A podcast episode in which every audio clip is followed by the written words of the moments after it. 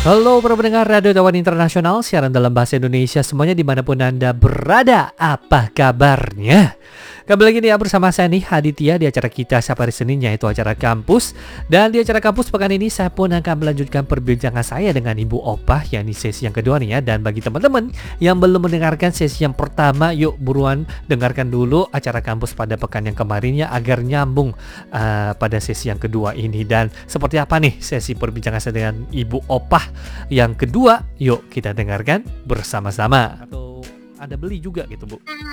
Enggak, langsung pesen di restoran di sana kita memesan yang halal. gitu. Oke. Okay. Jangan sampai memakai minyak babi, Mhm. jangan tersentuh babi, seperti itu. Oke. Terus minta tolong alatnya itu dibersihkan terlebih dahulu.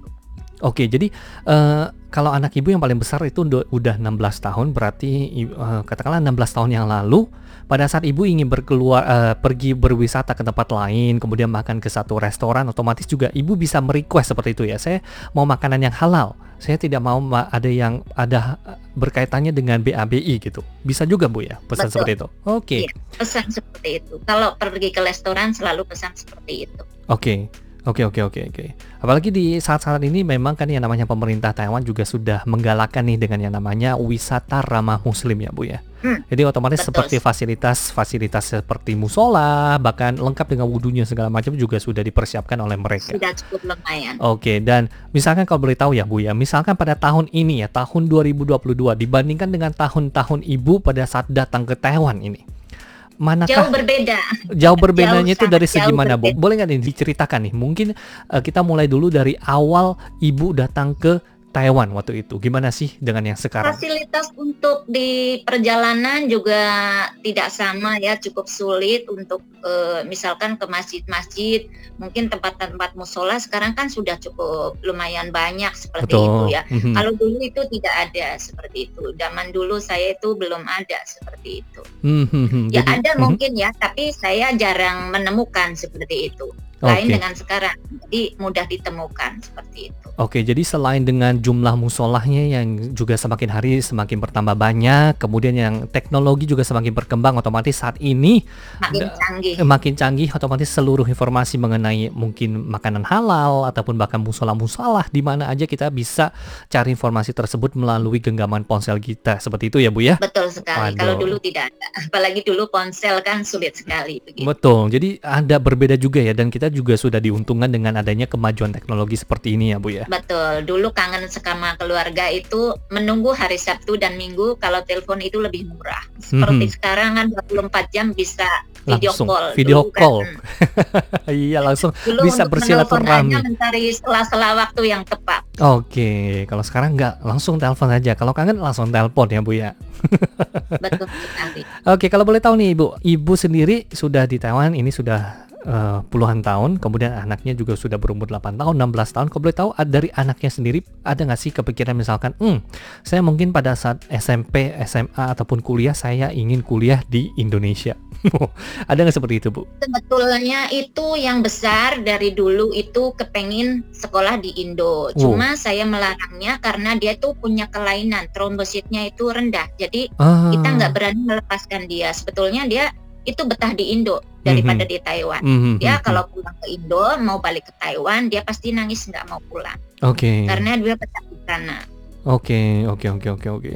Jadi dari anak ibu juga selain memang lebih suka eh, kayak apa suasana di Indonesia, kemudian makanannya juga suka yang Indonesia ya bu ya. Saat ini Suka, kalau suka, makannya itu ibu masaknya masak eh, versi Indo, khas Indonesia, khas Nusantara atau khas negeri Formosa nih bu. Khas Indo. Oh jadi semuanya serba Indo, makanannya Indo gitu ya bu ya.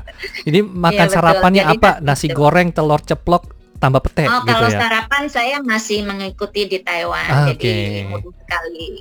Oke oke oke. Jadi pokoknya di rumah ibu lebih ke Indonesia gitu ya. Jarang sekali dengan yang Betul. kayak seperti ke ala eh, Tionghoa gitu ya, ala eh, apa Betul. Chinese food segala macam seperti itu ya bu ya. Jarang, jarang. Oke. Kita memasak masakan Indo gitu. Oke, jadi intinya saat ini untuk menjadi seorang muslim di Taiwan itu juga menjadi suatu yang bukan sulit lagi nih ya Bu ya, ditambah dengan fasilitas-fasilitas yang ada banyak sekali. Kemudian juga banyak sekali restoran-restoran yang sudah bersertifikat halal ya Bu ya. Bahkan hotel juga sudah menyediakan fasilitas musola lengkap dengan arahnya ataupun wudhu segala macam semuanya udah ada. Dan kalau boleh tahu nih Bu, dari Ibu sendiri sudah sebenarnya suka dengan Taiwan nggak sih Bu? Sebetulnya ya ud- Abis sudah tinggal di sini lama ya, jadi ya oke lah cukup nyaman sih saya tinggal di sini soalnya ya keluarga cukup bagus, suami cukup sangat sayang sama saya, keluarga Mhm. tuh sayang sama saya, jadi dari pihak mertua semua udah tidak membedakan antara menantu dan anak, jadinya saya cukup nyaman tinggal di sini, sangat terlindungi dari keluarga, walaupun jauh dari keluarga seperti itu. Oke, kemudian saya ada penasaran nih ya, Ibu Opa ya. Saya ingin menanyakan pada saat itu saat sebel saat mengenal Ibu Opa, Ibu Opa kan sudah beragama Muslim tuh, ya kan? Apakah suaminya juga beragama Muslimkah pada saat itu? Bukan, Bukan, Konghucu. Kongfucu. Kemudian pada saat Ibu Opa dengan suami sudah berkomitmen untuk menikah ke jenjang selanjutnya ke jenjang pernikahan, apakah dari eh, sisi orang tua dari mertua itu sempat menentang nih Bu ataupun mungkin dari sisi pihak ibu a- ayah dan ibunya Ibu Opah itu juga menentang itu? Alhamdulillah dari pihak orang tua saya melihat kedatangan suami saya itu begitu sopan, begitu Mhm. baik. Hmm. Dia itu menerima, cuma dengan syarat dia harus mengikuti agama saya. Terus dia menyanggupinya, terus disuruh belajar seperti itu. Wih, luar biasa. Berarti memang sudah eh, sudah ada hatinya dengan ibu dan karena itu sudah berkomitmen untuk ya menikahi ibu seperti itu ya. Luar biasa. Kemudian Seperti juga itu. sudah diberkahi dua- dengan dua anak ya. Sudah pintar mengaji, baca Al-Qur'an. Waduh, kurang apa lagi coba ya. Yang anak si kecil juga bisa banyak bahasa ya, Bu ya. Berarti ya. Bahasa Indonesia, bahasa Mandarin. bahasa Indo, bahasa Indo, Mandarin, Ah. bahasa Tai. Nah, kemudian ada lagi, Bu. Nggak ada, nggak Oh, ada. ada ya. Eh, kemudian mungkin ke depannya bahasa Arab nih mungkin ya. Waduh, luar biasa. Oh. Bahasa Arab tidak nggak bisa, cuma bisa membaca aja. Oke, nggak apa-apa. Minimal bisa baca. Kalau saya nggak bisa sama sekali, Bu. Oke deh. Semangat dia cukup tinggi. Iya, jadi semangat dari ibu juga mengajari dia, kemudian dari anak ibu, bahkan dari suami ibu juga sangat luar biasa sekali.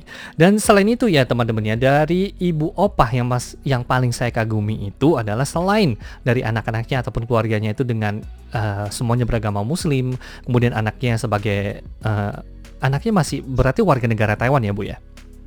Betul. Nah, sebagai warga negara Taiwan tapi bisa ngomong bahasa Indonesia, kemudian setiap harinya juga makan makanan Indonesia, so kemudian bisa baca bisa mengaji, Al-Quran. bisa baca Al-Qur'an segala macam. Ini kan sangat luar biasa sekali dan ada satu hal lagi yang saya kagumi dari ibu ini adalah sebenarnya ibu ini, ibu Opa itu merupakan seorang yang mengidap penyakit kanker rahim ya Bu ya. Kalau soal penyakit mungkin dari ibu Opa bisa nggak ceritain sedikit aja Bu mengenai penyakit ibu pada itu?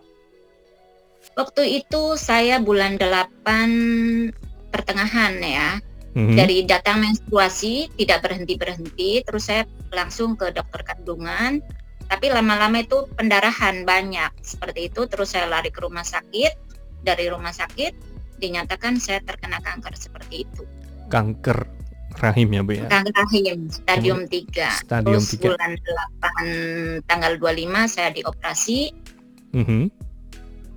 Terus ya seperti itu menjalani perjuangan yang cukup berat. Mhm. dari keluarga alhamdulillah sangat ya memberi semangat anak-anak, suami dari pihak mertua semua memberi semangat saya. Mhm. walaupun saya jari- jauh dari keluarga tapi ya bagaimana lagi keluarga saya sudah di sini saya harus semangat. Saya melihat anak-anak yang begitu mengharapkan saya untuk sembuh. Suami mengharapkan saya untuk sembuh ya saya memang waktu itu dalam jangka satu minggu itu sangat terpukul ya Mhm. bulan 8 itu sangat terpukul Mhm. mendengar dokter memvonis saya kena kanker rahim stadium 3 saya Mhm. dalam satu minggu itu berat badan turun drastis itu sekitar 10 kilo 11 kilo lebih Waduh, 10 dalam kilo. jangka satu minggu Oke, Ya, satu minggu. Mhm. saya langsung habis soalnya saya nggak bisa tidur saya stres saya nggak bisa menangis saya nggak bisa pertama kali saja saya bisa menangis karena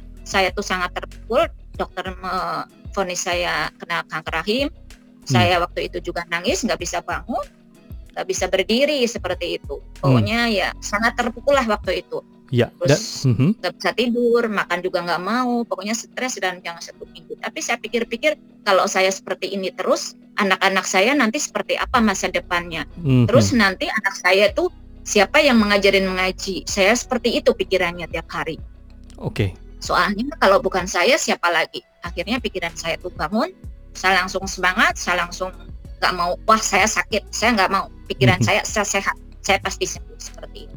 Iya, dan inilah yang paling saya kagumi yaitu adalah semangat yang sangat positif dari Ibu Opah dalam melewati akan rintangan yang sangat sulit itu pada saat sudah divonis oleh seorang dokter Ibu Opah mengidap penyakit kanker rahim stadium 3 dari Ibu Opah tidak terpuruk lama-lama di situ dari oh, eh, Ibu Opah itu lebih memilih untuk bangkit eh, berjalan maju ke depan selalu demi keluarga juga. Dan ini nih yang paling saya kagumi ya teman-teman dan pada akhirnya nih Ibu Opah pun sudah divonis juga. Katanya sudah sembuh ya Bu ya. Terima kasih sudah selamat Ibu. Alhamdulillah Iya. bulan satu awal saya dinyatakan sembuh oleh dokter, tapi perjuangan cukup lumayan berat. ya saya bisa eh, bisa bisa bisa merasakan itu Bu perjuangannya sangat berat sekali kemudian dari seperti kayak eh, konten ibu yang di TikTok pada saat itu kan seperti saat melakukan terapi segala macam kemudian pada saat ibu eh, rambutnya ibu itu mesti gimana ya Bu ya saat Rontok ini semuanya, Nah, semuanya. karena tapi kemoterapi. dengan Mhm. itu juga bukan hanya cukup perjuangan, tapi kita dasari dengan banyak berpikir, banyak bersedekah, banyak berdoa seperti itu. iya dan dengan bersedekah kita insya Allah sembuh dari kanker. Betul, asalkan kita semuanya positif, pikirannya tidak pikiran yang aneh-aneh, saya yakin dia pasti yang atas sana bakal memberikan berkahnya yang paling banyak untuk kita ya bagi yang percaya. Ya nggak Bu? Dan Ibu pun, Ibu Ya, apa betul. nih sebagai buktinya ya yang awalnya sudah divonis penyakit kanker rahim stadium 3 kemudian sempat terpuruk nih.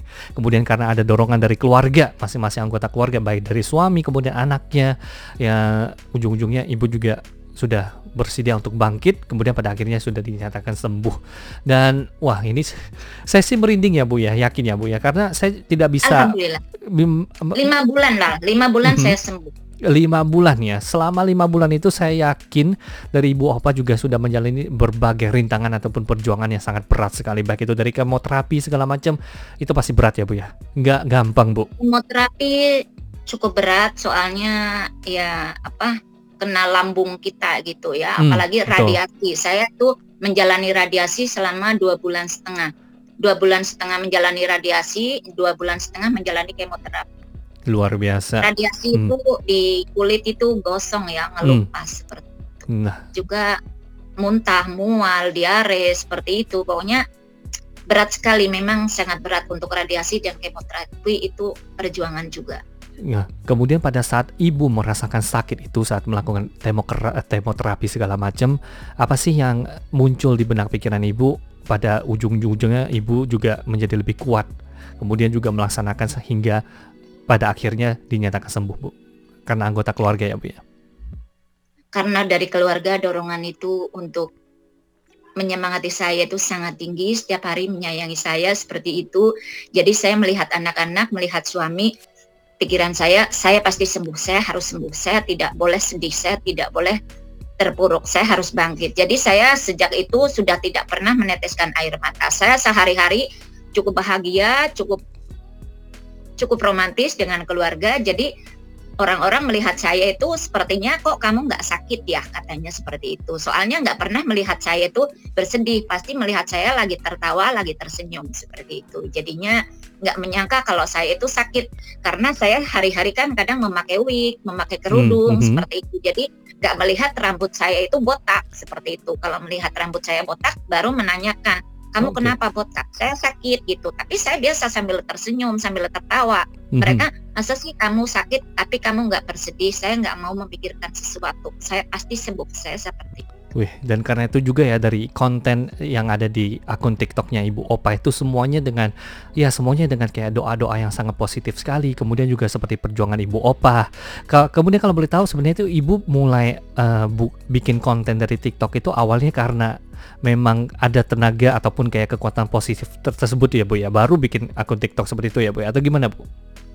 sebetulnya saya bikin akun TikTok itu sebetulnya tadinya ya itu karena saya terkena kanker, saya sebetulnya hanya sebuah hiburan. Hmm. Terus siapa tahu bisa menginspirasi teman-teman yang lain yang kena kanker seperti itu. Hmm. Alhamdulillah banyak sekali yang DM saya hmm. bagaimana bisa sembuh tuh sangat cepat seperti itu, hmm. apa solusinya, apa rahasianya seperti itu mereka tuh pengen tahu seperti itu. Jadi saya menyemangati mereka, saya jadi banyak sekali teman-teman teman-teman saya itu yang terkena kanker akhirnya meluap saya tuh akhirnya tiap hari itu dihubungin sama-sama orang-orang yang terkena kanker seperti itu. Wih, luar biasa. Saya Jadi juga berbagi pengalaman. Mhm. Mereka mm -hmm. Untuk membagi donasi untuk mereka yang tidak mampu, saya juga membantu mereka. Jadi hubungan saya sama anak-anak yang terkena kanker, orang-orang yang terkena kanker itu sangat dekat. Saya tiap hari menyemangati mereka biar mereka semangat. Soalnya sering juga banyak yang mereka tuh merasa sudah menyerah karena capek dengan kemoterapi yang sangat menyiksa seperti itu. Mm -hmm. Tapi saya mhm. selalu menyemangati, jangan patah semangat, tetap semangat. Lihat saya, saya seperti itu. Luar biasa. Ini saya merinding lagi, Bu. Semangatnya juga bisa saya rasakan di kota Taipei sini, Bu. terima kasih. Terima ya oke okay deh Ibu apa ini karena waktunya sudah hampir tiba juga nih. Kalau boleh tahu Ibu ada nggak deh kata-kata terakhir nih yang mungkin ingin disampaikan kepada teman-teman pendengar Radio Tawan Internasional, siaran Indonesia ataupun teman-teman mungkin dari pekerja migran ataupun mungkin dari pelajar Indonesia yang saat ini tengah berdomisili di Taiwan ataupun mungkin saat ini sedang berada di Indonesia Bu, ada nggak yang mau disampaikan? Buat teman-teman saya yang sesama saya seperjuangan tetap semangat tetap berjuang, jangan takut, pasti sembuh seperti itu aja. Terus untuk untuk para TKI saya, ibu ini selalu mendoakan kalian agar kalian selalu sukses. Tetap semangat, jangan berbuat yang tidak-tidak di luar. Jadi tujuan kalian itu apa ke Taiwan? Kalau kalian mau kerja, mau sukses, tetap kerja dengan baik seperti itu. Untuk untuk yang anak-anak yang sekolah di sini Semoga kalian sukses menimba ilmu di Taiwan, semoga bermanfaat seperti itu. Oke, luar biasa. Terima kasih Ibu Opah yang sudah meluangkan waktunya pada saat ini ya sudah padahal sedang uh, tengah bekerja nih Ibu ya.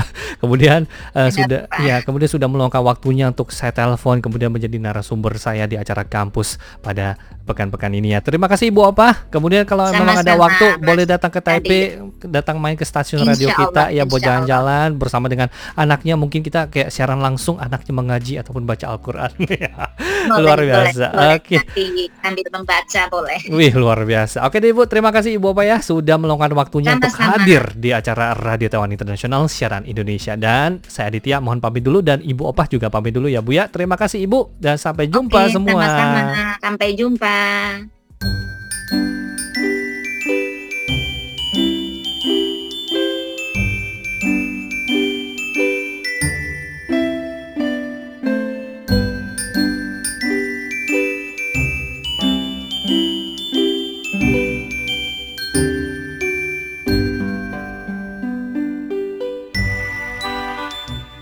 Para pendengar sekalian, demikianlah siaran dari Radio Taman Internasional program Bahasa Indonesia.